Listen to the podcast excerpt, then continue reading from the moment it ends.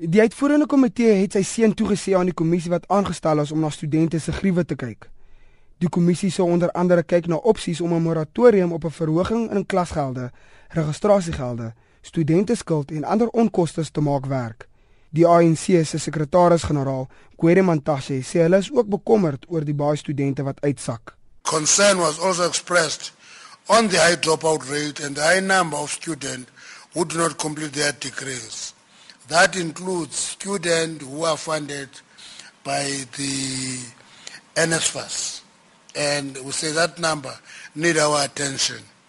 It was agreed that a formula must be found to achieve free education for the poor up to undergraduate level as resolved in the 52nd National Conference of the ANC.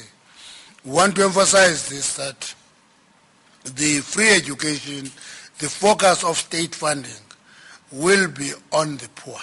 Sê egter hulle is ook bekommerd oor die vlak van aktivisme wat tydens die onlangse universiteitsbetogings gesien is. The NEC, however, expressed grave concern about attempts to use genuine concern of students for other objectives.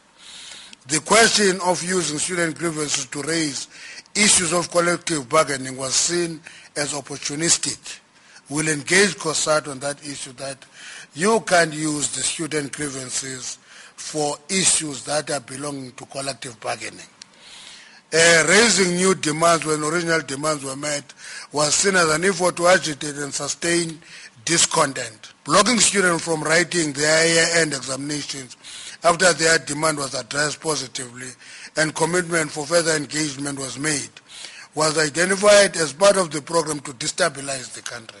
Onderhandelinge vir 'n nasionale minimumloon is ook al in 'n gevorderde stadium. The process is now at a stage where there is disagreement on the figure to be set as a minimum wage. So the principles of a minimum wage setting it formula there's agreement.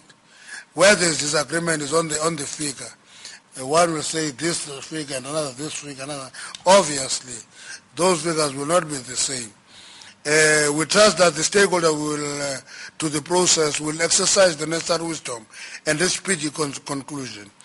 South Africa must decisively move towards reducing wage inequality. Dit was die ANC se sekretaris-generaal, Gwede Mantashe, wat daardie verslag van Amos Paggo afgesluit het. Ek is Vincent Mofokeng vir SABC nuus.